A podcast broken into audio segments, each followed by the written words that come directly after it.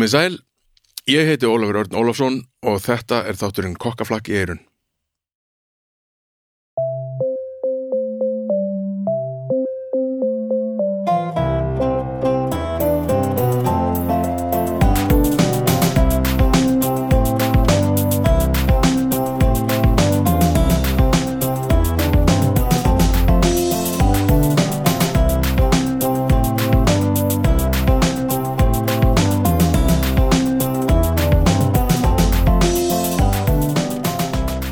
Komið sæl og blessuð og velkomin í þáttinn minn Kokkaflakk í eirun. Já, þetta er góð þáttur. Ég var að, hérna, bara kveðja, hún var að fara frá mér, hún Dóra Sáastóttir sem að, hérna, þessi þáttur er um, eða semst viðtali, viðtali við hana. Og við tölum svo sannlega um alls konar rosalega mikilvæg og merkilega hluti.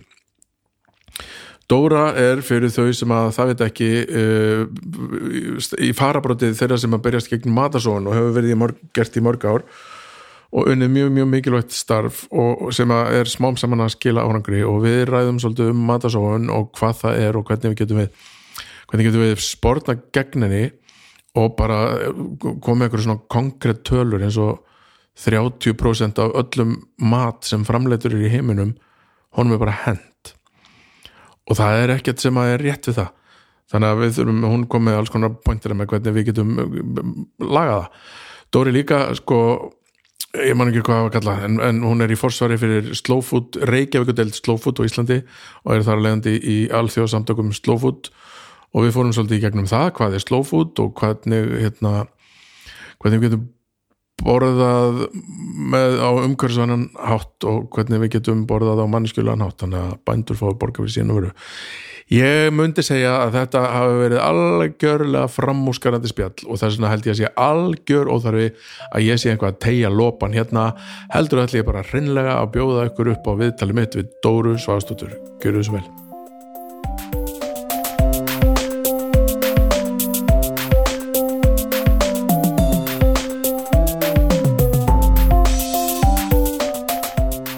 En sko ég er bara búin að kveikja á græðunum sko. Já, ok, við erum bara byrjuð. Bara komið rekk sko. Já, þannig að þú ok. þarf að segja eitthvað slemt um eitthvað ah, Dammit, gemdu það þá þú ekki búin að slökka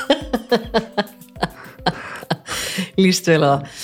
Herðu, uh, fyrst er sennilega sniðast að bara þakka þér fyrir að koma og heita mig. Herrið, bara takk fyrir að bjóða mér.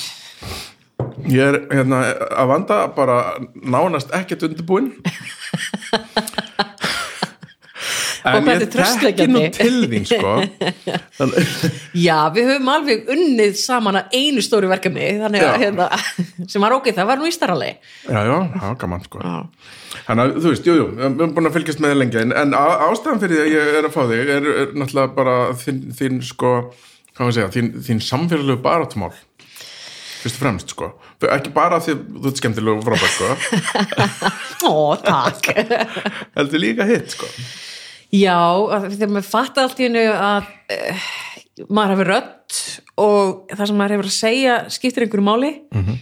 og eitthvað sem mér finnst alveg fullkomlega sjálfsagt eins og að við tökum bara ábyrð á því sem við erum að gera í stóra sammenningunni eins og bara í barátunni lostasmál, umhverfismál og allt þetta mér finnst þetta svo 100% sjálfsagt að við eigum öll að vera að hugsa eins mikið og við erum bara mögulega getum gert. En það eru ekki alveg allir þar og það kemur mér alltaf jafn mikið óvart alveg eins og þér með hérna Með- með, með ljósbreytingarnar á hverju ári hérna. Nákvæmlega, bara, við höfum að tala með það áður en ég ítt á rekk sko. Ég verði ekki til þess að það sé kalt en að það sé myrkur í desember ég bara, er þetta djóka? Þetta var núna. Já, nákvæmlega, hvað ruggli er þetta? og ég er alveg sama með þetta bara býtinu, ert þú ekki að reyna að lámarka sóun, ert þú ekki að reyna að hugsa hvernig þú getur nýtt hlutina betur eða, eða reynt að stuðla af því að við skilum þessum heimi aðeins skára af okkur heldur en hann stemnir í? En sko það er lík í þessu, það er svo, þetta er svo, ég er búin að fylgjast með þessu, ég er að reyna að hérna, gera mitt af veikumætti, en samt sko, það sem ég finnst skrýtnast er fólki sem að hérna, finnst eins og þú sett eitthvað að trubla sig. Veistu, fattar hvað ég menna? Ó já, ég veit alveg hvort að tala um. Æ, hérna bara hættu að vera með þetta rugl. Ég hendi þessu bara þá morgun ef að ég á ekki hendi þessu núna finnst að þú ert hérna. Alveg, nei, þú ert þú ert ekki að reyna að minka sóun fyrir mig Einmitt. per se Sko fyrir þá sem að fyrir þau sem að veit ekki hver þú ert þá hérna ert þú maturislu kona Já, ég, ég er svo gamaldags að, að á skrautskrufa brefinu mínu stendur maturislu mestari þannig að það er bara Já, starfseti sem ég nota. meistari. Já, það, þú veist, og alveg svona stóra skjalið þannig Já, að brúna, já, já, þú veist, já. þú þekkir þetta. Þegar ég er nefnilega oft til það maturislu meistari og ég er hvorki maðurinn í meistari sko. Nei, já, ok. Það er rétt, þú ert framreiðslu maður, já en, uh, þú Varst ekki með mestarann í því? Mhm. Nei, nei, nei. ok Viltu bríóa? Yes, heyrðu, ég er sko, þetta er nú ástæðan fyrir því að fólk held að ég get aldrei lært kokki, ég er með ofnami fyrir bjór Nei, Jú, ég er með ofnami fyrir humlum Ó, Ég get drukkið ógeðslega mjöð leiðilegt. og get drukkið vín alveg rúslega mikið. Já, Þannig að hérna, en ég er góð í vatninu. Ég Ég þarf að ætla kera að fá mér eitt bríó nummer 75 Weedale, þetta er sponsor sko. Já, ég skil þig. Þannig að við þurfum, auðvitað, ég ætla að minnast á þá hérna sko, að ég er svo ógeðslega ánægð með hennan óafengar bjór. Já, fólk er ánægt með hann en til þess að hann hafi bjórbræði þá er hann með svo skemmtilega humlaður. Ofna með fyrir leðilega ok, aftur að hérna Aftur á mér. Já, uh, Já, ég er sem sagt maturistmestari og uh, ég lærði á sínum tíma á steikúsinu kaffi óperu. Síðan gerði alveg endalist magna steinasteikum og get þeitt bernes frá grunni með bundi fyrir augun já. og með hendunar bak við bak þú veist bara með tánum eða eitthvað. Ég veit Já. ekki hvað maður gerði mikið af þessu sínum tíma. Svo hérna vil ég menna að það hafi verið mín mesta lukka hafi verið blankur nemi þannig að ég fór að leta mér aukavinu og endaði hérna niður á næsta hotni á næstu grösum sem var á hétt hver, ég, hver var Gunnhildur þá það? Nei, Gunnhildur var nýhætt með það það var Já. Samindur Kristjánsson var nýbúin að kaupa það af henni og ég bara röldi þarna inn bara í kringum 2000 og bara, ég veit að mér vantar aukavinu og varð bara strax alveg svona rosalega hrifin af konseptinu bak við græmitisfæði sko, för, tök, bara fyrir þá sem ekki þekkja þá er á næstu grösum var mikill frumkvæla veitingastæður sem var hér á hotnun á Klappastífulöfi mm -hmm. upp á annari hæð. Já, hann var stofnaður af Gunnhildi Emilsdóttur og var ekki sola Sola byrjaði hjá henni en, en já, það vor, var hópur þannig bak við þetta, það var Gunnhildur það var Helga Mógensen og það voru eitthvað, þau voru eitthvað fimm Já. sem stóða bak við þetta upp allar það var hvenna Já, mestmægnis.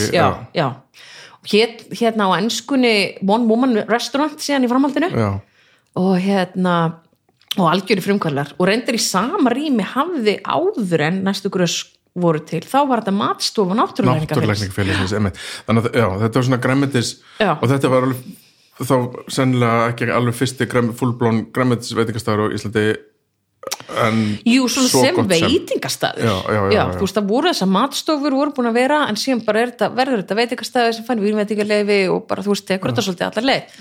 Og þar var ég frá síðan, þú veist, bæði dætt inn í aukavinn og svo þegar ég útskrifaðist uh, þá fór ég fljótlega eftir, eftir útskrift og, og fór hann í fulla vinnu og var alveg í tíu ár. Hvernig, hvenar er, er þetta? hvaða ár? 2002 til 12 er ég þarna alveg bara í báða skó og hvernig er sko þú veist eins og í hérna, skólanum þá Mm. það Hvað- er bara með græmitis, ekki neitt nei það er ekki neitt Nei, og bara því miður ég er nú fann að kenna upp í skóla núna já, það er grátlega lítið Já. talað um græmitið ég var að tala um Guðrún Sólu gestóttur um daginn, Já. við vorum að tala um hérna vegan lífstíl og, og, og græmitmat og eitthvað Mhm. og ég er að reyna og ég, ég, ég er að horfast í auðvitað að hafa verið fordómafullur og lendabóki. Og, og það er fyrst og fremst vegna þess að þetta var ekki á matselunum Já, og svo þegar kom einhver inn og sagðist ekki veist, þá eru það allir svona eitthvað annars gott að næst að panta eitthvað sem er ekki á matselunum hvað það? Er og eitthvað. En þetta er að breytast finnst mér vegna þess að það er að farið að gera ráð fyrir því. Jú ok, það má alveg vera meira og betra og úrval en eitthvað. En það er samt svona flestir veitingastæður eru farin að gera ráð fyrir fjölbreytni í Já. fæðuvali sem betur fer. Ég held að það eru mjög fái staðinni sem eru að minnst ekki með einn góðan græmitisrétt á seðlunum Já, e, því miður þú veist af, það vantar víða fjölbreytnina í það. Mhm. og það er líka sko það sem ég finnst sko að því, umhverfismálin er mjög mjög hugleikin og sko ég er ekki græmmetisæta, eða jú, ég er græmmetisæta sjálf og ég er líka kjötætt og fiskætt og allt saman. Já. þú veist, ég vil bara fyrir mér af því þetta er ekki, þú veist, þessi prinsipmál eins og fyrir marga sem eru vegan, þá, þú veist, þá er það bara svolítið Já. lífstílspurning, sko. En ég horfi meira á þetta þetta er bara, við verðum að minka kjötneyslun okkar. -hmm. það er bara, hvernig við göngum um kjötið og hvernig við erum að nota það og borða það það er ekki sjálfbært, það er bara, þetta þú veist, það er sá tölur frá FÁ sagt, og þar er talað um það hérna, Food and Agriculture Organization og saminuðu Já, þjóðan bara einmitt eins og Já. allir viti, þekki þá. Ok, ég er náttúrulega svo fáralega mikill matanörd að ég er alveg, ég er í júrastátt gagnagrununum að leita að einhverju svona upplýsingum bara á lögataskvöld ég á ekki sjónvarp þannig að ég Ok, segðu aftur, aftur skamstöfununa og hvað fyrir bara þetta er uh, fá sem sagt, Food and, Agriculture Organization sem sagt, saminuð þjóðan sem heldur utan um tölfræðina um landbúnað Já. og matvælaframlýsli í heiminum Já. og það er bara þetta er svona ógrinni af tölum sem að þú veist allir þessi svona mörg prósentur af þessu ræktarlandi bla bla bla bla og þegar maður er búin að draga út úr þessu upplýsingum þá sagt, er það bara þannig að um 80% af öllu ræktarlandi heimsins er nota til að rækta fóður fyrir dýr mm.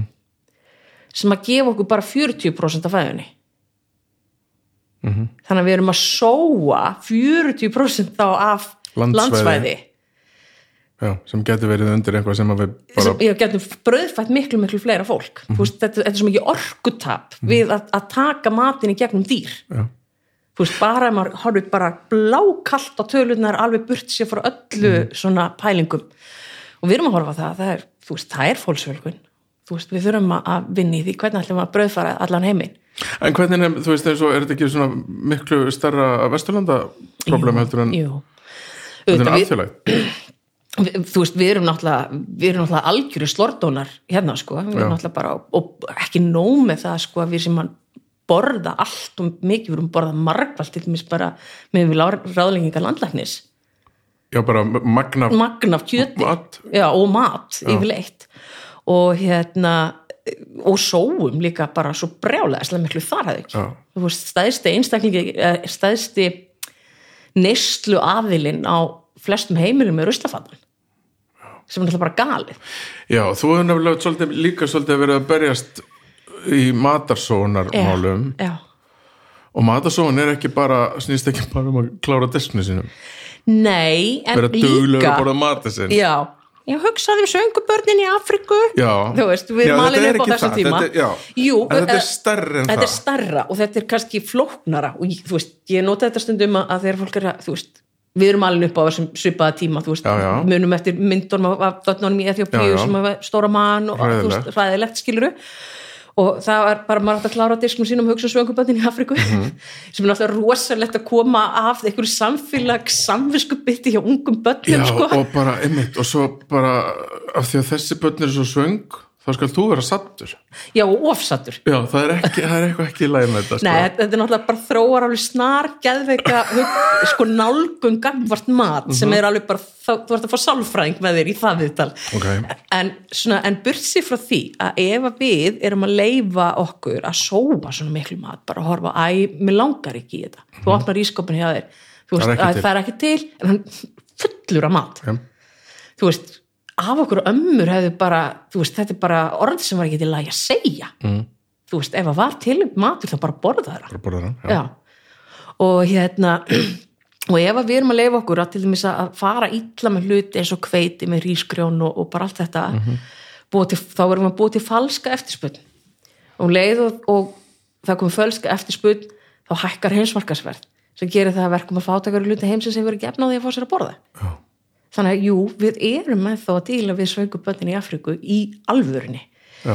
en ég vil ekki menna það að þegar ég setja þann klafa á herðar þú veist, fimm ára gamlu badni sem að vill ekki bara er, í, er að sína sjálfstæði sitt að því að getur valið hvað það vil borða. Já, já, og er bad já, og er bad, þú veist, en þetta er eitthvað sem við sem bara fullónir einstakling við þurfum að gera okkur grein fyrir. Og við erum, þurfum alltaf að muna það eins og gagvart börnum og ungmennum, við erum fyrirmyndir. Já, ef að við leifum okkur að ulla og æja og, og, og æpa yfir þetta er ekki matur yfir hinn og þessu, hvernig getum við ætlast þess að börnun okkar sér að borða þetta? einmitt Það er bara ekki hægt. Nei, nei, það er alveg satt Ok, Á ég berjaði eitthvað meira, Óli minn?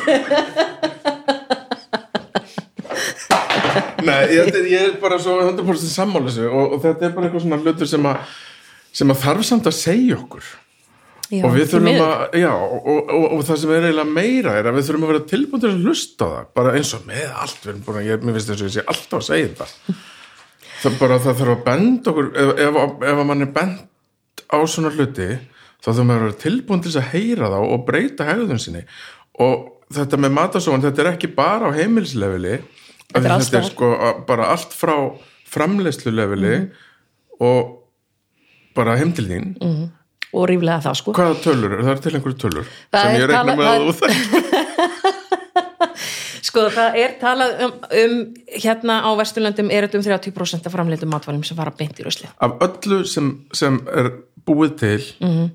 Já, það var 30%, 30% og nota benni, þá er ekki inn í þessu til dæmis allur sá hluti af til dæmis græmmeti og svolítið sem er ekki einu sinni skorin upp af því að hann er úr lítill eða Já, krakkildur já, já, eða sem er bara ennþá látin verið í jörni já, já.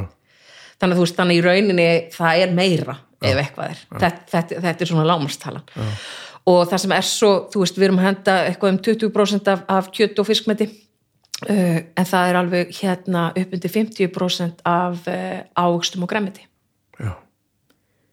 þannig að hérna þetta er Bananar mest já, einmanna bananinn einstakki bananinn, þetta er náttúrulega þú veist, þetta, þetta, þetta, þetta er svo klikku saga skilur það er náttúrulega búið að rannsaka allan fjandan og hérna fólk kaupir ekki staka banana út í búð. Nei, köpið þrjá. Já, það sko, Eða þú veist að frekar kaupi, þú veist, kemur á þessum bananatrjám sem eru orðið úti, þeir hengja banana svona Ja. upp og svo eru svona neðst, þar eru nokkri svona stakir. Fólk rýfur frekar tvo af stóru knippi heldur hann að taka tvo staka. Er það? Já, Já, ég held að ég gerir þetta líka Ég hef ekki hugsað í þetta okay. og eftir sýtti einstöku bananandi greið ég búin að alveg búin að sigla frá Guatemala alveg rosalega Já. samvisku samlega og vera í gámnum og vera kældir og fluttir og Einmitt, ég hugsa ég gerir þetta líka en ég, hérna, sennilega, kannski er þetta því að þetta lítur út fyrir að vera eitthvað svona að því maður heldur að þetta sé rust hérna Já, gæsalefa. já. en þá bara hafði þið dottið af knippi sko. Það er alveg er allt sem þeir hafa unnir sér til sakagrein.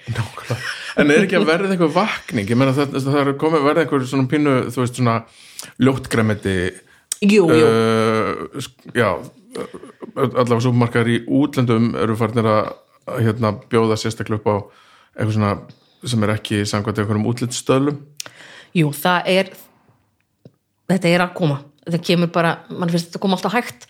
En uh, það var gerð stóransókn hérna 2016 á hérna hvað er hent bæði á uh, heimilis, heima hjá fólki í búðum uh, hérna heildsölum og í vinslum og svo var gerð stóra rannsókn aftur núna 2019 sem þremur árun setna og það var sko, það var líka að gera viðhorskannanir og viðhorfin hafði breyst talsvert á milli þessara þryggja ára. Já, fólk var hægt að vilja kaupa eitthvað uniform gulrætur. Já, og, og kannski fólk 2016 var fólk ekki einu svona viðurkenna að það væri til eitthvað sem héti Matarsson Já, einmitt þá, þá, þá var bara þannig, fólk bara hvert að tala um. Og þá er þú þarna.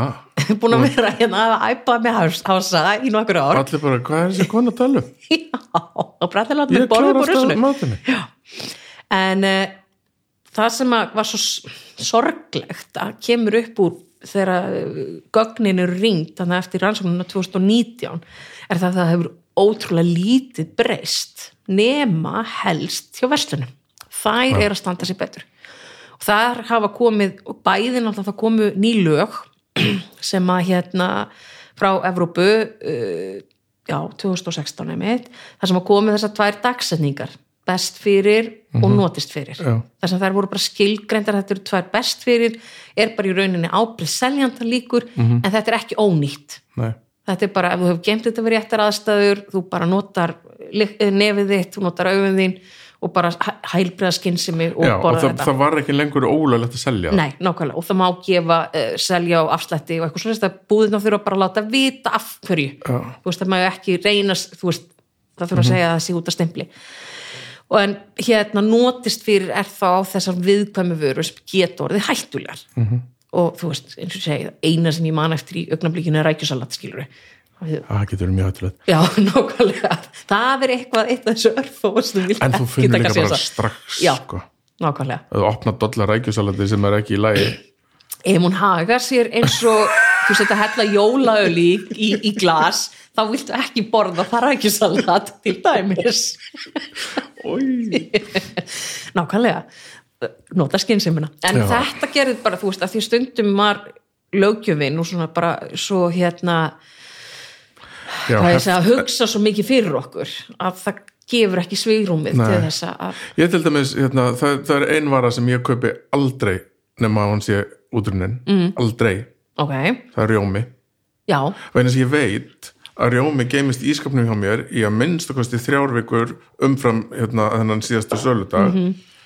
þannig að þegar hann komin á 50% afslátt í krónni þá kaupi hann, ég er ekki að fara að kaupa kaupa hann á fullu verði. Svo verði, ég veit að hann geimist alveg miklu Já, og, þú veist, og það er alls konar svona. Ég veit að sonu minn er miklu betri í heldur en ég hérna, hann steina minn, hann bara vestlar svona. Já, já, og ég meina þetta er nefnilega svo nöysilegt því að sko bú- búðirnar taka sig á og, og komi upp þessum kerfum maður sér eins og þú veist eh, hérna afslættina inn í, í netto og krónunni og, og öllum þessum stöðum.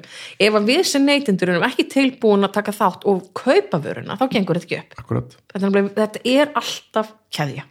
Já, en það þarf að byrja einhver stað sko. Og sennilega byrjar þetta alltaf á einhverjum hérna svona háværum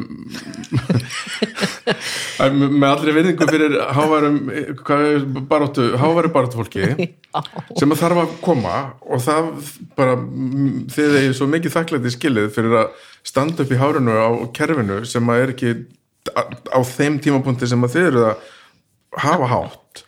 Ekki tilbúið til þess að hlusta nei, nei, nei, nei, og það þurfti líka alveg að sína fram á, þú veist, það, hérna, veist, þannig eru reglur og lög sem þarf að breyta, það þarf að breyta hugsunarhætti, það þarf að, veist, virkja stofnanennar okkar til að vinna með nú er Já. umhverfi stofnun bara, þú veist, farin að koma með reglulegar mælingar, Mm. og þú veist, ég ég var þú manni finnist griffinskan og allir þessar rannsóknir og allt þetta búið tímafrekt og eitthvað bara, "Það er bara laga þetta, bara gera hlutina, ef við vitum ekki umfangið, Nei. þá vitum við ekki hvernig á að tekla vandamál Akkurat. þannig að þú veist, það er bara nöðsilegt að hafa alla aðila með sér í þessu svo er það núna bara finnst mér eitt af því mikilvægast er að virkja kollega mína í það að hugsa þetta og sérstaklega ef við horfum á eins og kokka inn í mötunutum Mhm. þú veist, það er mjög algeng stærð af mötunutum hérna í bænum að það séu 450 til 550 manns Mm, það er ógeðslega mikið það er mat. mikið en það eru þó nokkuð marg fyrirtæki sem er þetta stór þetta eru 110.000 hátegismatar á ári Mhm. -hmm. sem að sá sem er að skipilgja það eldús er ábyrgu fyrir Einmitt. Þannig að það skiptir svolítið miklu máli að það fólk sé með 500 meðvitað manns á einum degi þú ætlar að hafa fisk í matinn Mhm. þá er þetta eitthvað svona kílótala sem ég sem er alveg upp í frændaning bara skil ekki. Nákvæmlega, þetta, þetta tekur mann smá tíma að kúpla sig inn í þetta sko. En, hérna, en þetta skiptir svo miklu máli. Já. fólk sé meðvita hvernig á að gera þetta. Og líka að gera sko þú veist það þarf líka að hreinlega þjálfa fólkið upp sem er að borða í Mhm. mötunutunum þú veist ég hef talsett verið með námskipað í græmmetisfæði og, og salatbar og einst líka bara hvernig á að nýta hluti Mhm. fyrir starfsfólk í mötunutum og það kemur alltaf upp bara hvað með gaurinn eða gæluna sem skamta sko ekki bara diskin sem fullan þetta er bakkan líka já, sko já, og svo sós yfir allt svo svo séu allt og, og sex baukar á smjöri og eitthvað Já. sko. Þetta fólk verður náttúrulega alltaf inn á milli en við þurfum náttúrulega bara þú veist, endast að þjálfa og seima það bara, því miður. Það er bara, það þarf bara svolítið að að call them out. Já, og orkuveitan gerði ótrúlega sniðut fyrir nokkrum árum. Þau hérna uh, það er svona flott mötuneyti og uh, þú tekur bara, tekur á bakkaðinn skamtaði sjálfur og svo setur bakkaðinn með disknum og allir bara á færiband og það fer bara inn í eldús out of sight, out of mind nema hvað, þau tóku sagt í heila viku og viktuðu alla afgangana sem fólki hafi bara ofskamtað sér. Sagt, tóku bananahýðu frá sem hún myndir ekki borða en bara sannanlega matinn sem þau ofskamta sér. Og þetta voru eitthvað um átján kíló á dag. Já. Á, fyrir hvað marga, marga, marga þetta, þetta er um uh, tæplega 500 manns. Já, og hérna svo var einhvers konar umhverfisvika og hérna þessa niðurstöðu kynntar og bara, heyrðu, þetta erum við bara að gera, þú veist, bara með því að vera, þú veist, því fólki skamta sér sjálf já, já. Og maður vill ekki vera songur nei, en ekkert þannig til sem bannar að fara að fá sér ábútt nei, þú veist, það er fínuleg og þannig að það var svona aðeins hérna fólk var vakið til umhugsunar og þau minguðu um helming já, bara með þessu. bara með þessu, láta fólki vita. Já. þú veist, jú, það kemur fyrir og þú skamtar eitthvað sem lítur hrikalega vel út og sjöin er bara, heyrðu, þetta er bara eitthvað bræð sem ég ræði ekki við. Já, já, ok, það, það, er eftir lagi. Já, þú en veist, maður hefur séð líka þegar fólk er að fara í jólalabur og svona, það sem fer í dunnuna á jólalabri, já, ert að djóka? Allir bara, já, láta mig hafa láta mig hafa fjóra sneðar að lambi þrjára svíni og bara séu þetta allt saman. séu þetta allt saman og svo fara á og bara- og já. glufa í bróma sig yfir allt saman já, svo fer þetta bara, bara stór partur þessi dunna nákvæmlega, því miður og fólk hugsar, ég er búin að borga fyrir þetta já, ég er að græða já, eða bara ég er búin að borga fyrir þetta hvað mál skiptir þetta? já.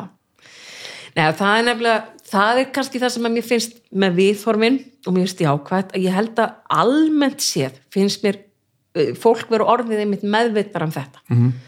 að það er bara, jú, ég er búin að borga fyrir þetta en ég á samt ekki, það gefur mér ekki rétt til að henda. henda ég bara, og fara illa með.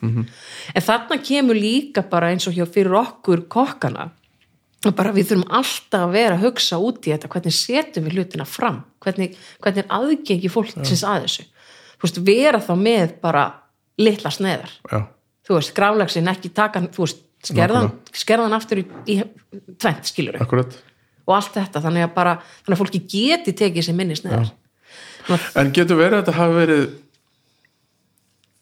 veist, ótta á það hljóma eins og allt hafi verið betri í gamla dag getur verið að þetta hafi verið betri í gamla dag getur verið að hérna, fyrir 30 árum síðan Já. hafi veitingahús til dæmis hugsað betur um nýtingu heldur en á einhverju tímapunkti, tímabili? Já, í algjörlega.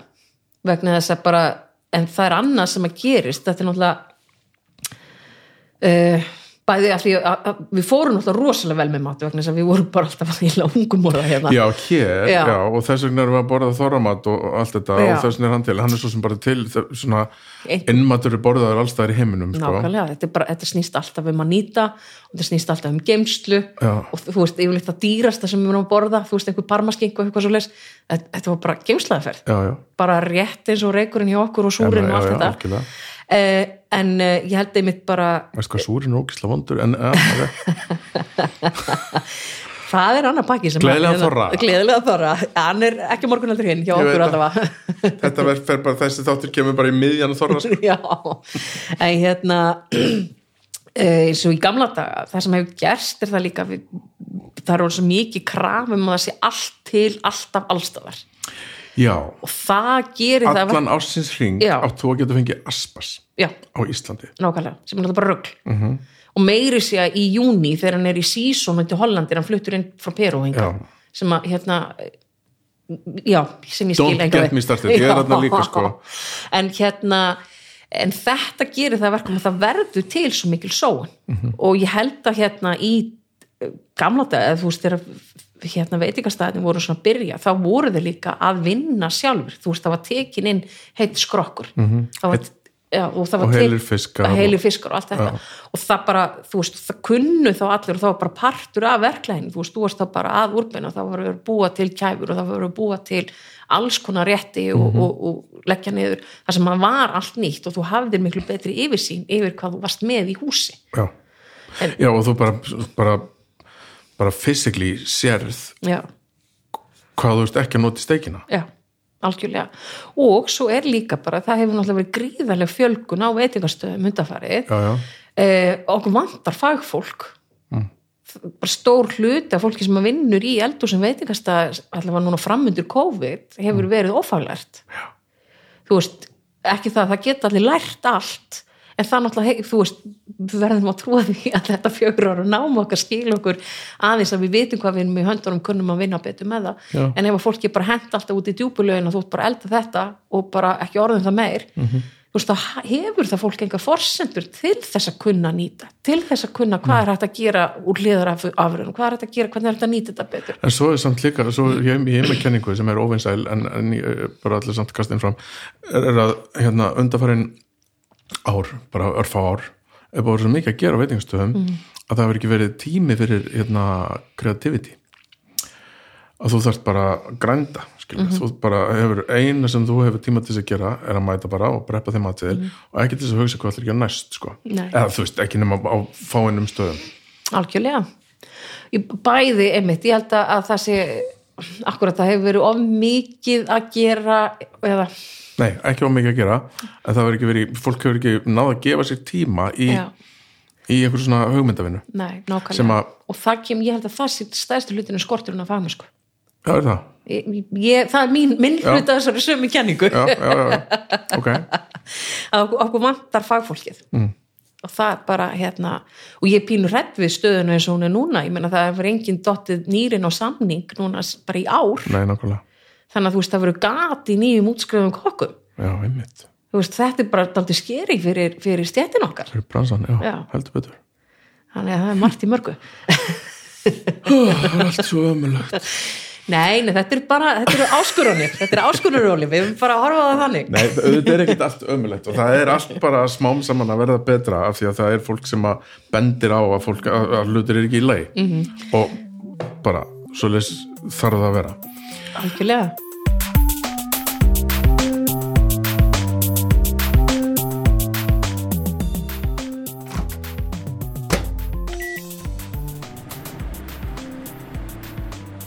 Þessi þáttur er í boði Bríó frá Borg Bruggósi. Bríó þekkjum við nú öll vel. Bríó er gamal gróin bjór sem var fundin upp á vínstúkunni og, og Stengrimur Eifjörð listamæður bjóð til nafnið á eins og við höfum svo ofta talað um. Uh, að því honum fannst svo gott að vera Bríó sko. Hann bara þegar hann er búin að drekka tóltið að bjór þá verður hann Bríó og það er svo gaman og þannig að bjórin hétt það.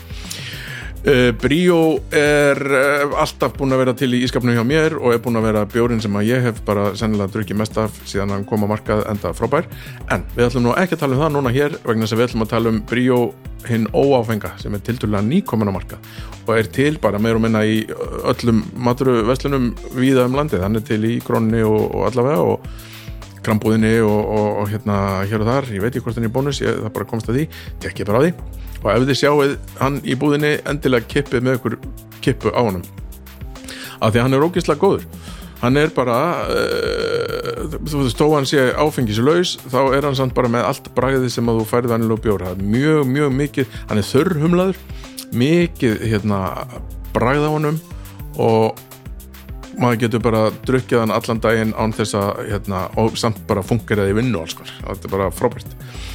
Uh, já já, farið bara út í búð kaupið ykkur bríó til þess að steyðja bakið á kokkaflaggi, erun og hljókirkjunni Þessi þáttur er líka í bóði örnu mjölkuvinnslu, það er nýr kostunarðali sem ég er opbóstlega ánað með og þakkláttu fyrir að hafa komið inn vegna þess að ég er svo ánaður með allar vörurnar frá örnu og, og bara hef mjög, mjög gaman að því að geta talað um örnu.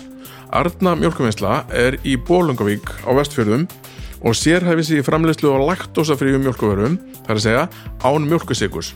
Vörur örnu eru framleitar úr prótinbættiri íslenskri kúamjölk. Vörurnar eru ferskar, heilnæmar og góðar mjölkuvörur, upprunnar í reyndni íslenskri náttúru og henda öllum sem neyta ferskra mjölkurafurða en sérstaklega vel þeim sem hafa mjölkur, sigur, óþól eða kjósamataræði án laktósa. Þetta er grein sem ég las upp á heimasíðun þeirra og þetta er allt saman bara frábært. Uh, Arna býr til bestu grísku jógurt á landinu, finnst mér.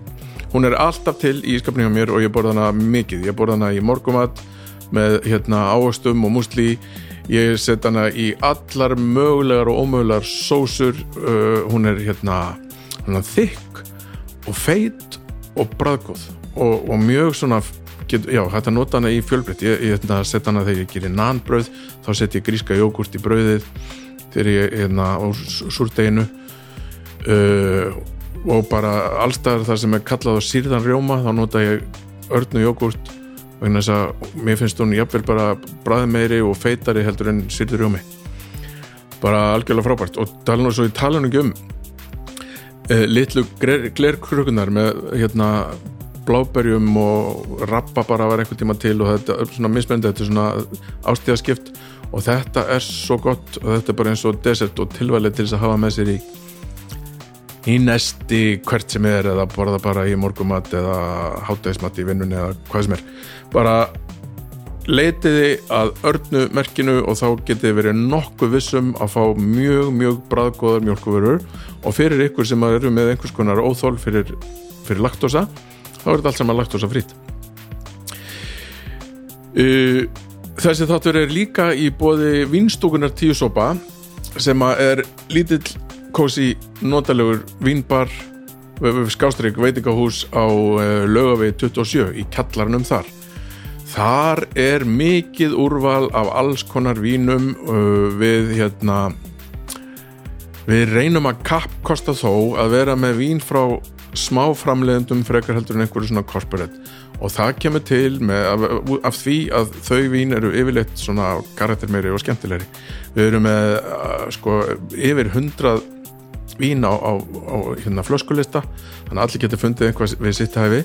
Við, sko meiri partun af þessu eru náttúrvín og við erum alltaf með opnar svona allavega 8 til 12 flöskur sem að fólk getur kæft í glössum þannig að þú getur smakkað það réttri niðurstöð við erum líka með mjög skemmtilegan matseðl svona hérna má segja eins konar tapasrétti svona smárétti, litlarétti sem að henda til þess að deila hver með öðrum og passa vel með víni. Og svo er náttúrulega kjúklingasamlokun okkar hefur slegið í gegn og er til bæði í önnulegri kjúklingaútgáfu og svo í veganútgáfu fyrir þau ykkar sem eru vegan. Sem að, já, sem eru, eru öll velkominn á vinstokuna og ég laka til að sjá ykkur bara þar sem allra fyrst.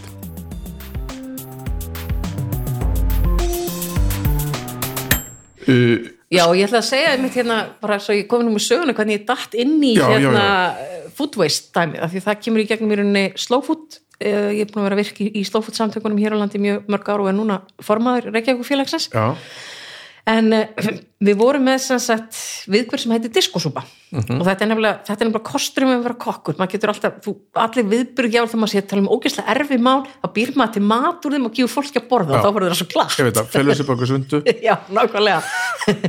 Hendur, þú veist, hendur upp brosinu og heldur á nýf og þá eru allir sammála manni. En hérna og diskosúpan er þessi hugmyndafræði sem kemur frá, frá slow food og þá er bara farið í verslanir eða heildsölur eða framleiðendur fengið eitthvað sem ætti að henda einhverjum hlutavegna eða afskrifa. Og svo bara hópur að sjálfbúðalögum talið í og græði og gert. Og við ákveðum að gera þetta nema við höfum samband við alveg fullt af búðum og fullt af heildsölum og, og alls konar fólki út um allar koppagröndir og hérna fyrsti viðbörðin svona var nú reyndar þegar þú varst stilinu en þá var það ekki neyri í Norrannahúsi Nei, ég var nýfarin þú varst nýfarin, já viðbörðin nummer tvö, þá kem ég inn í þetta og þá hérna eh, En sko, fyrst, þessi fyrsti viðbörður helbæriseftildi var hérna, ég veit að það er ykkur á röndum já, Já. gera allt villust sko. já. en það var sagt, já, þannig að svo áherendur vitu hvað við erum að ræðum já, sem sagt, fyrsti viðbörðin sem var gerður og þá var sagt, líka haft samband við e, búðir og svo og, svo búin, búin til matur úr þessu og fólki bóðið í mat. Já. og við fengum aðstöðu neyri dillinu sem var þá neyri í Norrannahúsu náðum svolítið fjölmjölu um fyllun og fekk heilmikla aðtegli og allt þetta. Og hvað, kom ekki bara daginn eftir heilbríseftiliti Jú, og ég- fóru ekki um alla alveg kæla og frista og allt og var- öllu. Já, ég var nýfærin en já, þeir voru líka og, og, og fæn, það er þeirra hérna, hlutverk er að passa upp á að allt sé hérna, að, að fólk veikist ekki. -hmm. En þarna er svona viðburður þar sem að er verið að sína fram á að það er verið að henda mat of snemma -hmm. Mhm. að taka að þeir tók, voru ekki tilbúin þau voru ekki tilbúin til að taka til til þess og einhvern veginn settu þetta svolítið upp að það væri verið að ágreða þarna ónýtan mat eða hættulega mat Já. Já, já. og þetta er kosturinn við þess að ég talaði um lagabreitingarnar það, þú veist, lagabreitingin þessi 2016, hún gjörbreytti þessu umhverju þannig að það í rauninni mega ekki gera þetta lengur. Og það er ekkert við þau að sakast í helbriðseftilitinu, þau eru bara að vinna eftir ákveðnu reglum. Já, nákvæmlega, og þess það er bara að breyta reglum já, það er nefnilega, reglur og lögur og gerð eru mannana verk, Já. þannig að við sem fólk eigum að stula þá að því að þessi breytt. En þegar ég dætti í þetta þannig í annarskipti þá hérna höfum við aftur bara sambandi fullt af búðum og svo leis og þegar við vorum búin að fara í tvær búður og eina heilsölu þá bara þurftum að ringi alla hinn og segja bara við erum komið miklu, miklu, miklu meiri nóg. Já, það bara, þú veist, ef við tökum meira þá, hérna, þá bara skemmist það hjá okkur í staðin og hérna svo fengum við sjálfbóðaliði ofan úr háskóla og græðið mat og þá var þetta engi staður niður í Norrannahúsi þannig að við fengum þar og það var sem við fórum ekki að koma neinum í vond vond Fengið í mál. neinn- Nei, neina nákvæmlega, og það komið rúmlega 300 manns að borða. Já. og við vorum með 30 og eitthvað rétt að hlaðborð Mhm. og það eina sem við bættum við var salt. Við fengum allt annað. Já. bara oljur og alls konar krydd og bara heitt kassi af tómat sem leit bara betur út heldur en maður fær, þú veist, Já. beint frá heilsanum og bara, af hverju er þetta hérna? Að ég var bara panta á mikið. Já, svo fer þetta bara í gáminn. Já, svo fyrir þetta bara í gáminn. Þetta er, Það er líka, ég man ekki hver bent á það sem mér er svo ókýrslega fyndið. Með hérna svona heimalæga salt já. Það er, mér finnst það bara eitthvað besta, besta grínið. Þúsund, nei, hvað er það? 6 miljardar ára gammal 6 miljón ára gamalt salt. Síðastu söldagur júni 2022 já. Nákvæmlega gengur bara Ah! já, Nei. og af hverju þetta er þetta diskósupa samt Herru, Hvað er það? er bara vegna þess að þá voru fjör, þá voru Já, gaman já. þú veist, það er bara þegar við höfum gert þetta þá höfum við bara fengið DJ og, og Já, bara sleið í partí og, og, og svo bara fjör sko. Já. og við höfum verið að gera þetta svolítið mikið og einmitt að reyna að passa sig á því og þetta er grafalvarlegt mál og svo skiptir miklu máli en maður þarf að hafa gaman að því maður þarf að nálgast þetta á jákvæðan átt og því að maður er alltaf bara með putan í loftu og ógjast leðinni kettling þá hlustar enginn á mann sko. nei, nei, Þannig en þetta hefur alltaf sínt sig, þetta hefur virkað ágætlega á- að vekja aðtikli á alvarlegum já, málum. og svo er náttúrulega líka hérna, svona annars konar aktivistar sem eru þessir hérna, með vantar íslenskt orðið við dumpster R- divers Ruslarar, já, sem að bara í alvörunni fara bara Mhm. og, og brjótast inn í gáma fyrir aftan hérna, vestlanir Mhm. Já, já, og það er bara hérna, bara ótrúlega stór hópur hér á landi. Og ekki, ekki endilega neyð eða bara eiginlega alls Nei, ekki, heldur þeir bara sína sko. sko. bara hvað þetta er klikkað. Já, og bara út um all land. Mhm. og það var líka semst í framhaldi af þessum stóra viðburð þarna í Norrannahúsinu þá uh, datt ég inn í verkefni með landvernd uh, hérna Vakanda sem að Rakel Garðars stopnaði sem að, náttúrulega hefur barist mikið fyrir matasóun já og gegn, og gegn, já, hún segir þetta hættu vatn, hættu vatn, nei, gegn matasón og hérna eh, og sagt, þessi þrýr aðeila tóku sér saman og, og fóru í þarna í vitundavakningu vitundavakningar átak og ég datt inn í það og við með kvennfélagasambandinu að halda námskið bara elda úr öllu já, og það sem ég bara að kenna fólki eldur því sem átt til. Þú veist, kannski með einhver öskur sem þið líst þér vel á og þú átt ekki eitthvað í hana. Eða hvað það getur breytt hvað getur þú sett í staðin fyrir já, þetta? já. Hve- hvenær í lagi bara sleppa því og hvenær í lagi, þú veist, hvað, getur gert í staðin og þetta var ótrúlega skemmtilegt verkefni. Og við fórum að þessum þetta var samvinni við kvænfélagi sambandið þá bara var maður komin á Akureyri og Eskifjörð og, og hingað og þákað sko. Það var geggja gaman. En uh, það sem að ég lendi í eila bara strax. Það var það bara, já, þetta er náttúrulega bara unga fólki í Reykjavík sem er að henda mat. Við kunnum þetta hérna út á landi. Það? já, það var alveg um leið. Þannig ég fór bara en þá, heldur þú þessi tilfellið það? nei, nei, það er bara ekki þannig. Nei, það, og þá fór ég bara að passa mig á því að ég hafði alltaf samband við búðirnar á hverjum stað. Ok, og fekk bara, þú veist, það er samband við þær með svolítið kannski góða fyrirvara hvernig ég var að koma og hvort ég geti fengið allt sem ætti að skrifa. Og þá gati ég alltaf sagt bara nei, heyrðu, þetta er það sem átti að henda hérna í jóakjörum skilur við, þannig að þú veist þetta er það sem er að gerast hjá ykkur. Og það, og þetta er universal um allan heim. Já. Eða þú veist, allan hinn vestrana heim líka í, þú veist, fátækustu ríkjum heims, nú er það? Já. Það eru bara örvísi vandamál. Já, það er oft sem það eru vandamál hérna með til dæmis e, bara uppskeruna, þeir ná ekki að skera upp. Svo hérna ó, hvað var hann? Ó, ég maður ekki núna en það var ein, eina af svona uh, suðlægu Afrikulöndum var á ráðstefni á Ítalíu sem að fjallaði meðal hans um þetta. Og hann var að segja, þú veist, við getum kannski ekki beint talað um að sé matarsóun hjá okkur uh, í þarna, þetta var ekki Zimbabwe þetta var, ah, nú bara stólið um í nafninu á landinu, þetta var einhver stað þar umkring já, og en hins er það að lendi því að því að búið að vera strísátök það er, þú veist það er mikið, bara fólk er hrætt það veit ekki hvað það má, það er mikið að landi sem er svona unclaimed og það eru mangotré bara í lungum röðum. Og síðan er bara mangon allir full þroskuð og bæði af því að þú veist, það er ekkert svona skipula í kringum það, það er ekkert hérna, því infrastruktúrin er farin út af Já, áratugum af átökum. Þá er enginn til að taka þetta upp. Það er meiri sig á sumstæðar er ekki vita hvort þetta sé jarðsprengjusvæði og það eru kannski bara að horfa á, á fleiri tugi tonna Já, af ávöxtum fara já, í súgin og svelta um leið. Já. af því að það vantar infrastruktúrin. Þannig að vandamálið er á einn þú veist, matasáun tekur á svo marga myndir. Mhm. og það er, þú veist hún er mismunandi á hverjum stað. Þess vegna því miður er ekki til neitt eitt svar. Meni. ekki nema kannski bara að- hugsa um það. Já, og ég held sko það er það sem er svo brjálæðislega mikilvægt fyrir okkur öll, hvort sem er bara heima hjá okkur eða í vinnun okkar, vinnustaðinum að við bara hættum að benda alltaf á einhvern annan. Þú veist, þetta er unga fólki fyrir sunnan eða, eða þetta er jó í næsta húsi að við horfum svolítið í augu við það, bara heyrðu, ok, er ég að henda mat? Hvað er það sem er að daga hérna upp í ískapnum hjá Já, mér? Af, og, og af hverju er það? er, er það bara, erum að kaupa mikið eða er, þú veist stundum heyrðum maður og fólk segi sko, já, ég geng, geimi nú alla afganga þegar það borðar þá enginn þú veist, svo þar í viku setnar hreins út úr ískapnum já, henda þeim já, já, maður þekki það þá þurfum við líka bara svolítið að horfast í augu við það. Það er svolítið ábyrð okkar sem að eða þú veist, það er oft kannski einn eða tveir sem byrja svolítið ábyrð á eldamennskunum okkar í heimili. já, já. að við getum ekkert bara hendur sinni í ískap og ætlast þess að börn eða úlingar á heimilinu fatti hvernig á að nota það, við þurfum að kenna þeim það.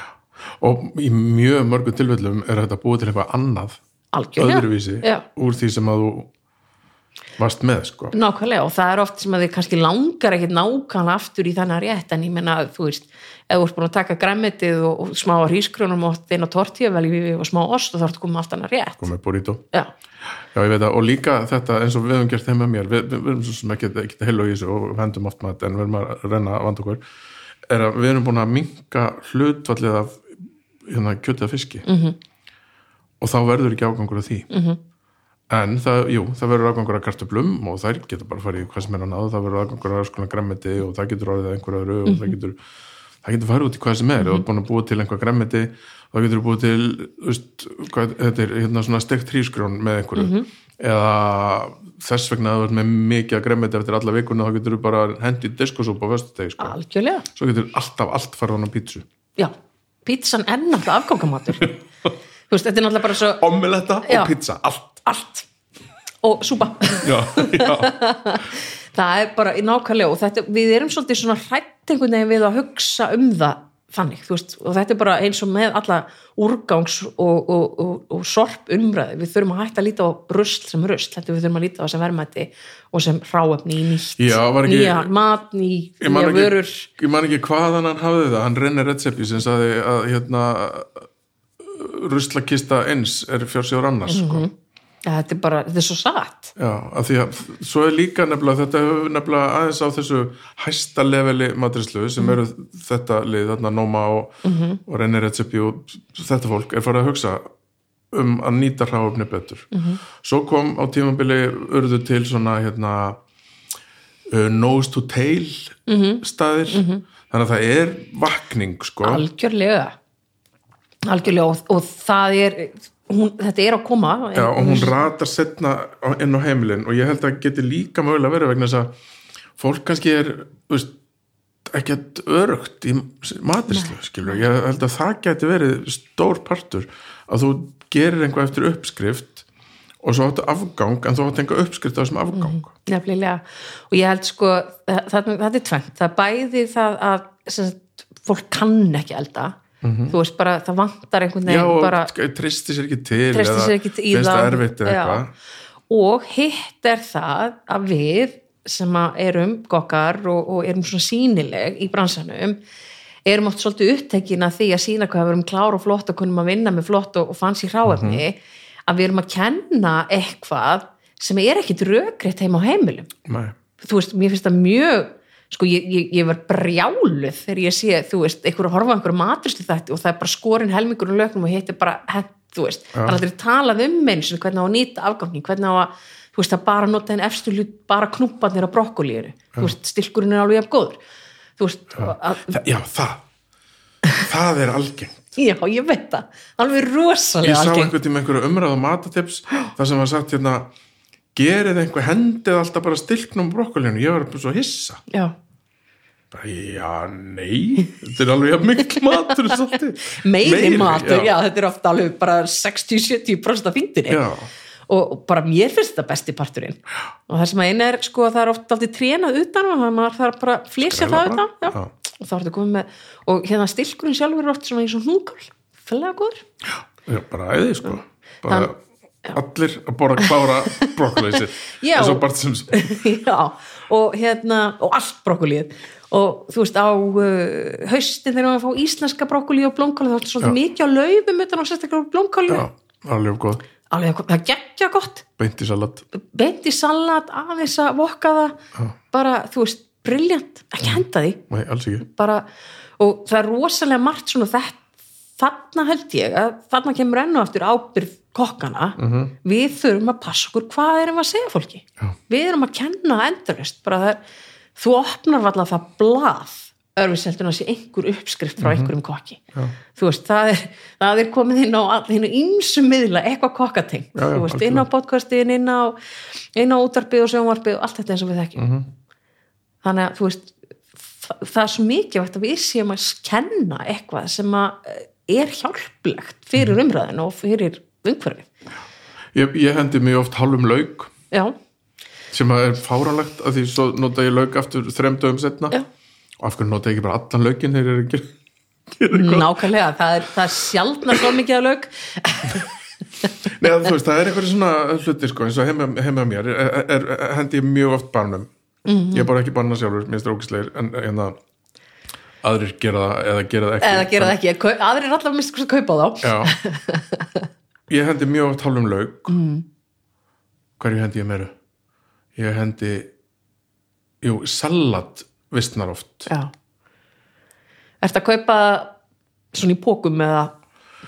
Uh, né, já, við höfum gert það. Reyndar eru nýbúna bara, þetta er ekki ölsing en hérna, við erum farin að hérna, já, við keftum kassa frá Austurland Food Co. Já, Food Co-op, já, fengum það. Og þá var að daga of mikið uppi. Já. Af því að það var bara hreinlega of mikið fyrir okkur. Þannig að við erum búin að fatta að fara á markaðin frekar. Og þá, þar erum við bara að kaupa það gremmið sem við þurfum. Algjörlega stórkoslega frábært stöf. Og hérna þá er ekkert sem dagur uppi. Nei, nei, að því þá er líka bara veit, vitum við hvað við ætlum að gera. Þú veist, ég ætla að kaupa og ég held að þú veist, við bara, við höfum alltaf við höfum gert þetta nokkur sinnum við höfum alltaf við, við eigum alltaf að gera matsel fyrir vikuna. Og við höfum gert það tvisar og það hefur virkað og þá bara er ekkert eftir í ískapunum Nei, eftir vikuna. nei. og þá bara er hérna mánda, þrjóta, mjögta, fymta, fösta planað. Nei, nei, nei, hvort það er lögadagur til eitthvað planað og svo er þá fymtudagurinn fer bara í það að nota alla nota það sem er til. Já, já, annir, afgangar eða, eða búa til eitthvað omelette surprise. Já, akkurat. já. Ég reynda skil ekki hugtaki snarl. Hafðu bara eitthvað snarl. Snarl, hvað er það? hvað meinar? Já, það, það er ekkit konsept, já, erfitt með það. Já, já, já, þú meinar. Við hvernig þetta tapas já, Já. það er strax betra sko. þetta er bara tapas Tíndu a la bara fram eitthvað snarl. hvað er þetta að tala já þá grein er þú svona maður sem þarf bara að búa til finna réttu réttarheitin og þá er þetta í lagi. Já, þetta er læg en þeim við tala átti matsalinn og þetta hefur náttúrulega lengi verið að tala um að þetta sé svo mikilvægt fyrir stóra fjölskyldu bara upp á fjárhægin og allt þetta sko. Já, já í þessi fái skipti sem við hefum gert þetta við hefum eitt miklu, miklu minni peningum mat. Algjörlega, þetta, þetta, þetta snar virkar upp á það. En ekki glema því að litlu fjölskyldinu eða þú veist bara einstaklingar og það sem er einn og tveir í heimili þetta er ekkit síður mikilvægt fyrir þá. Nei, sennilega mér sé mikilværa eiginlega, vegna- af því við stöndum svolítið frammi fyrir því að þú veist, það er allt orðið prípakk sem við erum að kaupa Já. eða stærstu hlutin og það þarftu eiginlega að vera með plan fyrir það sem þú kaupir. Bara, Já. ok, ég ætla að kaupa 500 gram að hakki það er náttúrulega rugl mikið magn fyrir tvo Við ætlum að nota helmingin og frista helmingin og nota Já. það í næstu viku. nákvæmlega, getur gert það, já, og bara þú veist, ok, ég ætla að vera með hérna, bara hakk og spagetti og svo taco hérna á vindaginn, þú veist, eða whatever þannig að maður sé alltaf að nýta hlutinu upp og eins bara, bara gúrka, gúrka er bara svolítið stór, hún er 300 gram Já. þannig að, þú veist, tvær manneskjur ekki náttúrulega þessi mikleg gúrku ætur, þú veist, þá þarftu bara að vera svolítið með plan, mm. -hmm. maður nota þetta þjánast að þetta uppi, Gúrka, þetta gerir svona gott gúrku. endalist Tzatziki. það er bara, bara, bara, býrð einu sinni til ekki þá, þá er það orðið steipul hjá þeir sko alltaf. Svoleið sko, já, en tölum að þessu slow food. Uh, þú ert, hvað sagður, þú ert með mjög virðulegan til forseti, formaður, Slófut Reykjavík. Ó, hvað er ekki forseti aflátana, það er þetta, þetta heitir ítl- í, tölskunni convivium lítar ok. Já, það er eins og svona eitthvað sci-fi hljóma svolítið eins og Star Trek titillegur ef ég farin fyrir þá er þið bara konur að sækja mig hérna, sorry. En sko slow food er ógislega merkilegt fyrirbæri Já, og það heitir slow food. Sko, þetta eru alþjóðasamtök upprunnin á Ítalju sem eru svona til höfus fastfood já, og þetta kemur sem sagt, hann hérna Carlo Petrini, stofnandi hann er bara þarna að, að uh, rölda um spænsku þreppin í, í Róm og bara helstu kennileitin sem hann sér og er í kring eru McDonalds og KFC og eitthvað svona rugl. Og bara byrjum hvaða rugl er þetta? Þú veist, Ítalja bara það vex allt, það er allt til geggjum matarhef, Já. af hverju er við helstu kennileiti Ítalju alþjóðlegur biti sem er eins allstar -hmm. alveg sama hvar þú ert. Já, og bara til þess að skilgrana fast food þá er það ekki matur sem far hratt. Nei, alveg eins, eins og hérna slowfood er ekkit endilega matur sem er eldaðarægt nei, þannig að þetta- þetta er þetta er svona til höfus þessu að þú veist, í fast food þá er allt eins allstaðar, bara sama auskristin og það er flutt inn jáfnvel kjöt og, og hambúrgar og bröð heimsálfa milli til þess að og- þetta sé nákvæmlega og sama. verksmiðu framleitt já, já, slow food fókusarar á þetta að þú ert að borða úr ert að borða úr nærumhverfi. -hmm. þú ert að borða sem sagt e, samkvæmt hefðunum eða sem sagt ferði þinn eigin matarkúltúr og ert að nýta það sem er ræktað og hvernig það er. En samt nýtum við nútíma á tækni að sjálfsögðu og þetta er ekkit endilega verið að segja við að fara aftur í, í torkofana nei, Eh, stóru hlutinni sem að eh, hérna Slowfood vinnur af er að sapna til dæmis upplýsingum í svo kallega bragðörk mm -hmm. Ark of Taste. Þar sem við erum sapna upplýsingum bara um uh, aðferðir um uh, tegundir um, um, um vörur sem hafa verið gerðar svæðisbundir á sérstakann hátt. hvað er í, í þessari dæmis? Bræðverkin er til dæmis með íslensku geitina, íslenska hefðbundna skýrið, uh, sólþurkaðan uh, saltfisk, já, en svona útlenskum útlensku matum, uh, til dæmis, það kom mér óvart að það er rappabari til dæmis í Kenya. Já, átt ekki vonaði.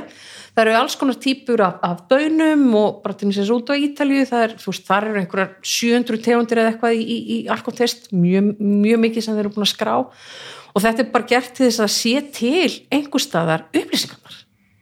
um hvað er frá hvaða svæði? Hva, já, og hvað er svona sérstakt? Því að það er svona verið bara að sækja svolítið í samtökin eru starfandur í 160 löndum. Mhm.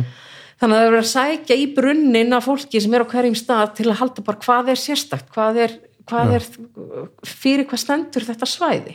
Hvað er hérðan Já. svo við tínum því ekki í, í, í skendibettakæður í í, í, í hérna og í þessari gengdarlausu kröfu um, um hámörkun. Já, og, sko, og þá sko, um hámörkun þá alltaf vera ódýrt sama hvað það kostar. Akkurat. Og það er nefnilega svo klika, það er aldrei skoðaður umhverfiskostnar, það er aldrei skoða hvað við erum að tapa, erum við komin út í þaulræktun? Mm -hmm. við erum að nota kannski eh, einhver, einhver yrki af eh, byggi eða kveiti eða eitthvað svolítið sem hendar alls ekkert fyrir þetta svæði. -hmm. þú veist þannig að það þarf að dæla inn tilbúnum ábyrði, það þarf að dæla inn alls konar eiturefnu, það þarf að gera alls konar sem að, og jörðin stendur eftir onotef, eftir einhver ár. Já, þannig að þess vegna er rosalega skrýta við sem ekki meira að horfa í uh, hvað er það sem að, að því- að því við hefum stundað búskap á þessum svæðum um fleiri þúsund ára þannig að það er til rosalega mikil hefð það er til rosalega mikil þekking sem að bara kynsluðarnir hafa sapnað saman. Og til mér eins og bara við, við erum rosalega stolt af íslenska hestinum af því hann er búin að er einstakur, búin að vera einangarar hérna í þúsund ár. Já, við erum stolt af honum fyrir að geta tölt. Hann er líka einstök matvara. -hmm. og þú veist sama á við íslensku kýrnar, sama á við með íslenska kindakjöti og það er vegna þess að þú veist að þær hafa þessi kyn hafa aðlegast íslenskum aðstæðum Já, það, það, það hendar þeim vel Já. að vaksa upp hér Já. Já. og þess vegna þurfum við ekki vera að dæla inn kemískum efnum til þess að rækta þau einmitt við gætum kannski náð kreist út eitthvað aðeins meira sko íld úr þeim með því að fara að keira inn þú veist, einhverja tilbúna vörur Já. en það er bara ekki raunhaft þú veist, því að þá erum við að eðilegja alla, alla flóruna. Og við höfum tapar rosalega miklu, miklum fjölbreytileika í landbúnaði á, á síðustu bara eiginlega alla 20-stöldina hún er búin að fara rosalega mikið út í þetta. Það er alltaf verið að hámarka allt. Já. ekki með neittni, þú veist, þessi, þetta monokropp dæmi. Þeir, þú veist í slófút telst þeim svo til að það hafi verið um 1500 kúakinn í kringum hérna 1500 og uh, núna erum að fá sko yfir 95% af öllu kjöti af þremur kúakinnum Já, þannig að það er búið að rækta það þannig að það gefi hámarks. Já. en þessi kúakinn þú veist eins og þú sér frá bandarækjunum þú veist þú er meiri sig í bandarækjunum það þarf að flytja allt fóður þvert yfir landið þvert og endilang og þau standi sín megin skít og eindröldu og ekoli og allt þetta að því að það verður að hámarka allt Já. Þú veist, þetta er og eftir sitjum við með kjöt sem er bara með alls konar sýkingar og, og, og hérna bara basically ég ætla bara að vera ógislega gróf og, og, og hérna segja bara eil óhæfti mannheldis Já. En við erum á tölvöld betri stað hér og viðast hvar í Evrópu heldur en Sko, til dæmis eins og í Ameríku og Algjörlega. þar er komið líka þar er þetta að fara að heyrast er mjög hávært þetta sko að artisanal og grassfed og allt þetta, það er hérna að stekka sem betur já, sem betur fyrir vegna þess að þetta er bara þetta bara gengur ekki upp. Nei, og þetta er náttúrulega það sem að sko lagi er náttúrulega kjöt alltaf ódýrst já, og við erum að ætlast þess að fá það alltaf þú veist, ég hef ekkert mótið því að við, við, við eh, notum kjöt og, og, og, og, nýtum það og þá hefum við líka nýta hverju einustu tutla, hverju einasta greip -hmm. Og hérna og borga fyrir það eðlilegt verð sem að krefst þess að ala upp skepnuna sómasamlega þannig að dýraverð velferð sé höfði í huga. -hmm. og líka það þarf náttúrulega að vera raunhafi möguleiki fyrir bændurnar að lifa af þessu. -hmm. bara þú ert búin að velja þér þitt karriér að vera bóndi. Já, þetta er ekki bara lífstíl þetta er ekkit bara lífstíl að, þú veist, þú þart alveg að, að hérna, börniði þurfa alveg að fara í skóla og, og, og, og hérna, fyrir langvars kannski bara alveg stundum í frí og geta gefið mömmuðin í Já, jólagjöf ég menna þú þarf líka bara að vera á launum Já. fyrir það sem þú vinnur við Já, sko. það er náttúrulega bara þannig. Og það þarf að vera, það var svo ótrúlega magna Karlo Petrini, hérna stofnandi Slowfood kom til Íslands og held alveg magnaða fyrirlestur upp í háskóla. Og ég svona glotti við tönn þegar maður satt þarna og var að hlusta á hann hana, maður með alveg geggjaða útgislun og svona mikill maður sko og þetta var sama dag og Costco hann Shit, hvað það er eitthvað ógislega írónist Já, það var svona, hérna, það var, var það. Ég var alltaf mjög sátt að vera inn í háskóli en ekki í röðinu. Ekki þarna röðinni? Já, en, en þetta er samt, þú veist, mér varst þetta bara eitthvað kristalla svo, þú veist, hvað við eigum langt í land. Já, Við Íslandingum við erum alltaf að segja, nei, við þurfum ekki að hafa ákjörða svo hérna hjá okkur, við erum alveg góð, sko. Og svo Já það við er þessi eilífa sérstaða sem að, hérna, við viljum alltaf fel okkur á bakvið í öllu. öllu og ekki síst umhverfismálum við getum ekki hérna, tekið þátt í einhverjum umhverfis samningum alþjóðlegum af því að okkar sérstað er svo þetta fyrir töðnar mér Algjörlega, og ég meina við bara þurfum að taka ábyrði eins og það er. Það er bara þannig og ekkit síður vegna sem við erum ríkt samfélag. Akkúrat. Við höfum betra tækifæri að bregðast við heldur en það sem að aðstæður eru þannig að fólk er bara það spurningum það að lifa daginn af eða vikuna. Þannig að við eigum alveg að geta dreigið okkar og, og, og, og ríflega það sko. Já, bara, Mér fannst það einmitt að hvað í, í, í morgun var í fréttunum með hérna voru loftgæðis rannsóknir í höfu, borgum í Evrópu. Og það voru semst einhverja fimm borgir sem voru þarna með bestu loftgæðin og það voru allar á Norðurlöndum og Reykjavík þar á meðal. Og ég með þú veist það er bara, já ok, djöfitt getum við þakka rókinu margt já, já, en máli er að mengunin fer ekkert. En Nei, en hún, færist, bara, færist Já, já, hún er aðna þetta, hún bara mælist ekki að því hún er búin að fjúki Já. burtu. En hún er bara hún er aðna já, hún er bara komin að sjó. Já, og, meina, og við sjáum þetta, við þekkjum þetta sem búum hérna í bænum, þú veist, þegar koma svona froststillu dagar, þessir, þessir fjórir á ári það þá bara sjáum við þetta. bara geta krakkar ekki farið út. Nei, þú veist, það bara, ég myndi líka þetta asma og maður er bara hérna eins og hvæsandi kvalur en maður veit af, sko. En sko, sko þetta slow food uh, það sko mér, það sem mér finnst svo merkilegt við þetta það sem að ég kveikti á við þetta á sínum tíma var hérna að það er, það er hérna sótsporið af máltíðinni sem að ef þú ætlar að vera með, með, sko, með fullri vinningu fyrir öllum sem að kjósa að vera hérna, vegan, græmiðsætur allt það en mjög mjög stór hluti af matnum þínum er þá fluttur inn með einhverjum tækjum uh, skipið að flugvél mm. og þannig að sótsporið þitt verður mögulega stærra heldur en að borðar litlu lömpin sem að vaksa í tónfættunum hjá þér eða fisk úr, úr hérna ánni já, já, já, já, já. Já, þetta, þetta snýst líka um bara að hafa smá jafnvægi og balans og common sense jú, því að sko eins, og- eins, og- ef við ætlum að borða kjöt á Íslandi þá til dæmis er langsnýgast að borða hrossakjöt. Það er bara með minnsta, minnsta spori vegna þess að það, er, já. Af því að það hérna, þau ganga úti meira og minna allt árið þannig að það er ekki húsnæðiskostnaður á baku þau Já. Eh, það þarf ekki að heia neitt að ráði ofan í þau þannig að það er, engin, það er lítið framræst land og eiginlega engin tilbúin ábyrður mm. -hmm.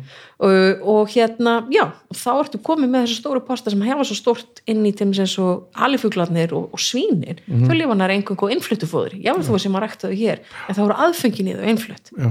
Og þú veist, öll ólíjan og allt í kringu það. Þannig að þú veist, þetta er náttúrulega fáránlega flókið mál að reikna út. Já, já.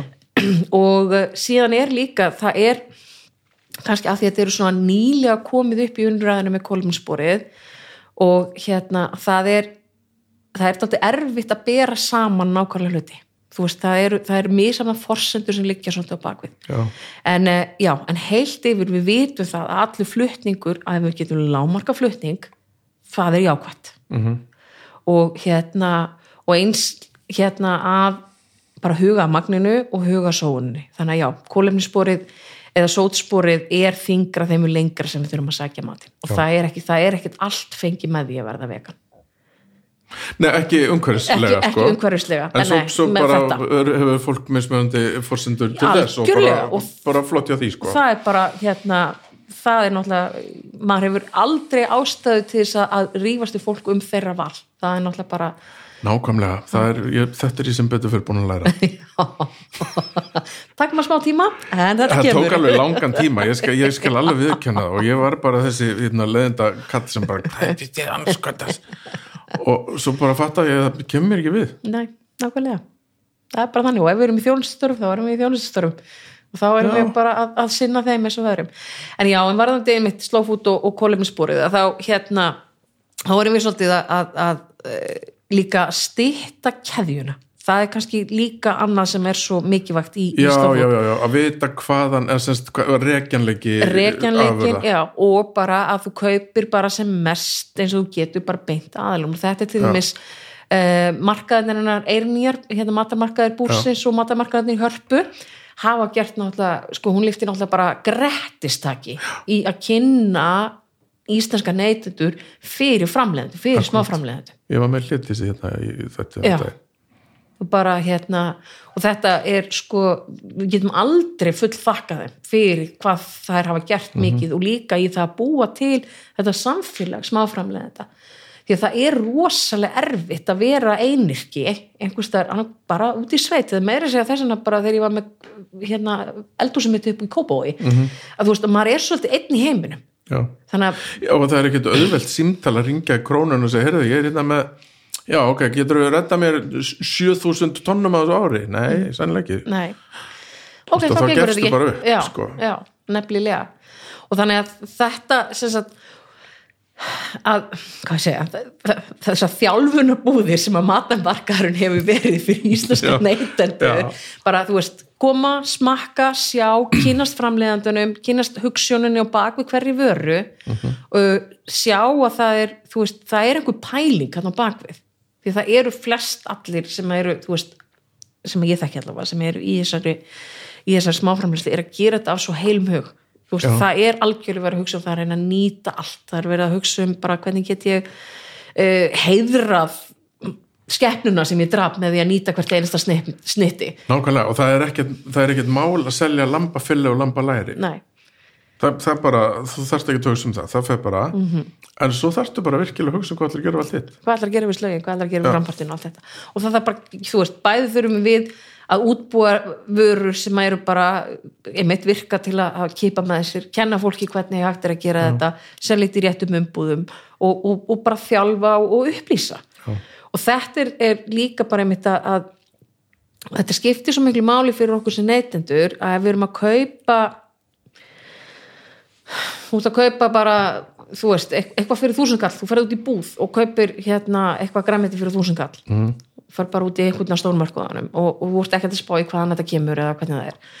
Og ég meina þetta er kannski innflutt og þetta er búið að búðin er með sína álægningu -hmm. það er innflutningsaðilinn það er, það er skipafélagi sem fluttir inn það eru umbóðsaðalinnar úti það eru allir akstursliðinir það eru allir hinir. Og eftir stendur kannski upphaflega í bóndin hvað sem hann er í heiminum og hann kannski fekk 50 kall. Já, hann fekk kannski, þessu. já, hann fekk kannski 5 til 10% já, þú veist, hann er að fá 50 til 100 krónur.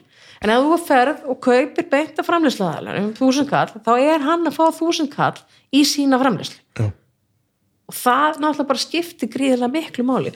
Og þetta er þetta er mikið, mikið baráttumál hjá, hjá slófút út um allan heim. Já, að reyna að búa til þessa tengingu. Og þá líka verður ef að bóndi og framleiðandi finnur að neytandi veit hvað hann er að gera. Mm -hmm. neytandi veit hvað hann vill. Já, það er ekki svona langt á milli það er ekki svona langt á milli. Bæði getur þá framleiðandi hérna bröðist við ef hann fær aðtjóðsendir bara heyrðu, ok, akkur eru hérna væri hægt að fá eitthvað svona eða gera eitthvað svoleið þá bara það hjálpar til við vöruþróun og, og annað slíkt. Algjörlega. og líka það bara heldur okkur á tánum að halda áfram að gera vel. Já, já. algjörlega og, og líka held ég að sé bara öllum, ég, ég, held ég að satt í öðrum hvernig þetta með það er svo mikilvægt að fólk gerir sér grein fyrir því að maturinn er ekki bara í búðinni. Mm algjörlega. Að það sé sko að pakkin með matnum sem þú kaupir að það er einhver manneski einhver staðar sem er búin að þetta til. Mm -hmm. það er ekki bara vagnpakkað einhver Nei, það byrtist ekki bara. Nei, og þetta þetta er hérna þetta er stöðug, stöðug fræðsla. já, og hérna, og það sko, svo svo ótrúlega gaman einmitt af því að þetta eru alþjóða samtök slófút að hérna eh, annarkvort ár hefði átt að vera núna 2020 eru hérna rísastóra stefna út í Torino og já, ég hef eins og farið þangað. Já, og þetta er náttúrulega bara mind-blowing já, sko. rókislega gaman. Og þú veist 300.000 mann sem er að koma að þeim fyrir þessa viku. Já. og bæði náttúrulega endalust að fyrirlestrum og, og bara búa sem, sagt, sem að vera að fara við bara alls konar mál.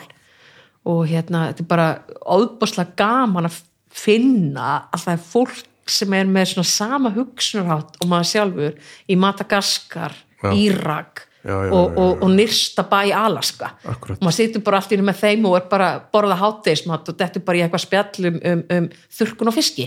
Og kemur svo heim alveg full eldmóð. Já, já, það er bara, það er bara algjörlega geggjað. Ráðstefnin er reyndar sko út á COVID þá var þetta allt sett á netið. Þannig að, að slowfood.com það er bara alveg endals uppspretta af alls konar málstofn og það, getur, fyrir er, er, þetta live eða er þetta upptökur eða hvað? Það er mest allt er þetta live það er bara hægt að hérna kíkja inn á, á slowfood.com og sjá bara hvað er í búði já, á hvaða tímpil er þetta herðu, þetta byrjaði í oktober og verður út apríl. Já, ok síni hvað ég fylgist við með já, við höfum kannski ekki verið alveg nóg duglega að, breyða út þetta fagnaðar er þetta, fyrsta hérna En það er einhver, er ekki, hvernig er, er náum við ekki inn í þennan þátt? herðu, á morgun, á morgun, já. já Já, sem það sagt, sem sagt var um daginn. með daginn, já, já, á síðasta degi mörsugar verðum málstofu, erum við með málstofu núna hérna, það sem, sem kólemisborið og kakarnir Já. og hérna, sem er bara já, sem eru við erum búin að fá Hvernig gengur að fá kokka með þetta? rosalega vel. Já, maturslu menn á veitingahúsum. Já, bara hérna Frábært. nokkuð vel. Ég ætla ekki að segja kannski rosalega vel en nokkuð vel. Og það eru alltaf fleiri og fleiri staðir að koma upp sem eru rosalega meðvitaðar um þetta.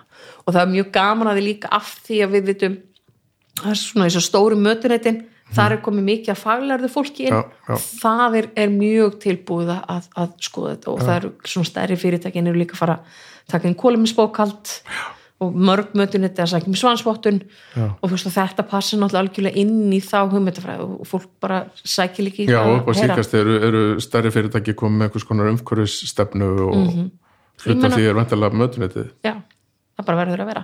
Já, þannig að þetta er svona já, bara og er ótrúlega skemmtilegt herðu, ég held að við séum komið með þetta já, hvað? Þrýr tímar?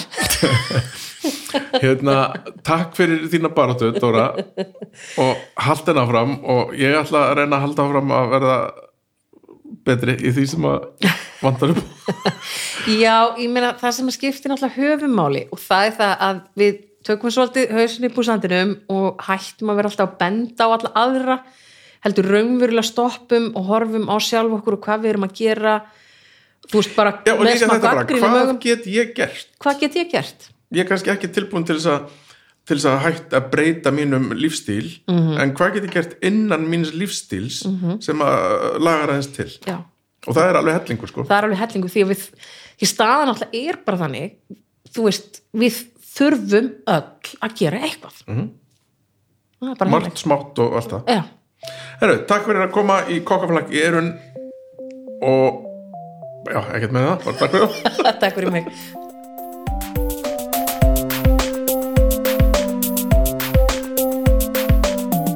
Já, sko, hana nú, svona var nú þetta og, og hérna, þetta var opnar nú aldeilis augum mín fyrir uh, alls konar hlutum, sko. Þetta er, þetta er í rauninni alveg ótrúlegt og, og, og, og mjög mikilvægt að við hugsaum um þetta.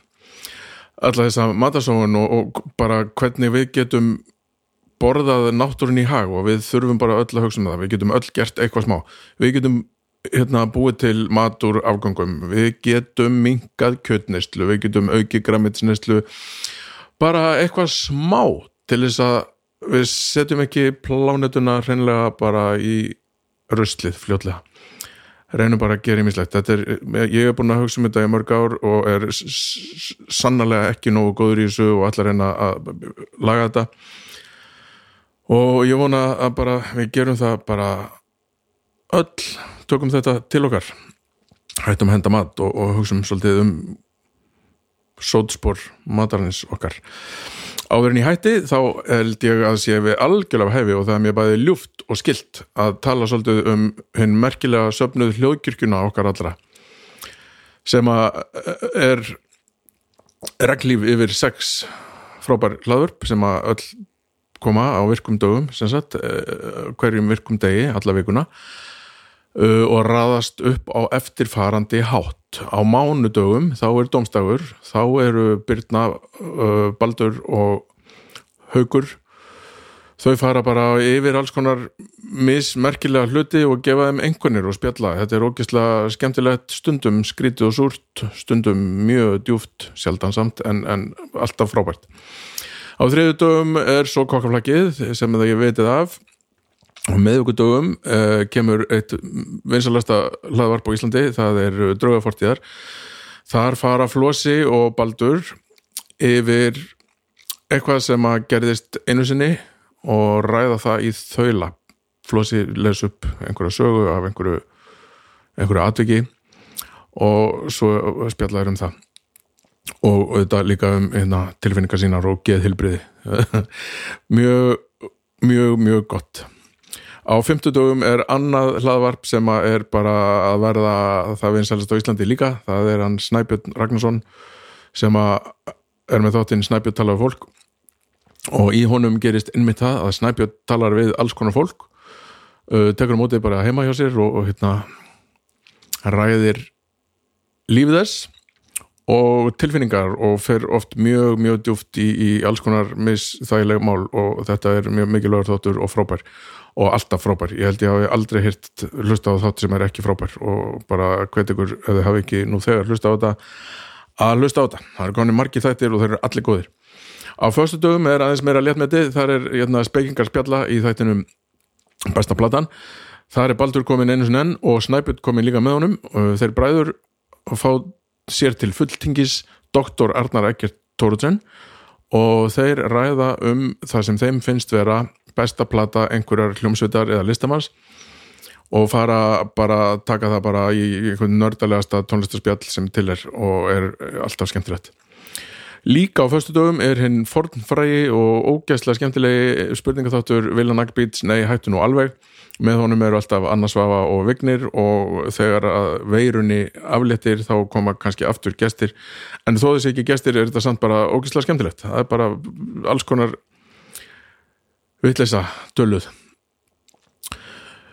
Uh, já, já, þá er ekkert mikið meira eftir en að kveðja og, og hvetja ykkur til þess að beina viðskipt með ykkar til kostunar aðeila þáttarins. Arna mjölkuvinsla með frábært stöf Bríó með frábært stöf og Vinstokan 10 sopar með frábært stöf. Takk fyrir að hlusta. Þið getur hlustað á hljókirkjuna og kokkaflak þar sem þið fundu þetta og á öllum öðrum helstu hlaðvrapsveitum veraldar. Takk fyrir mig. Sjáumst í næstu vöku Bless, bless.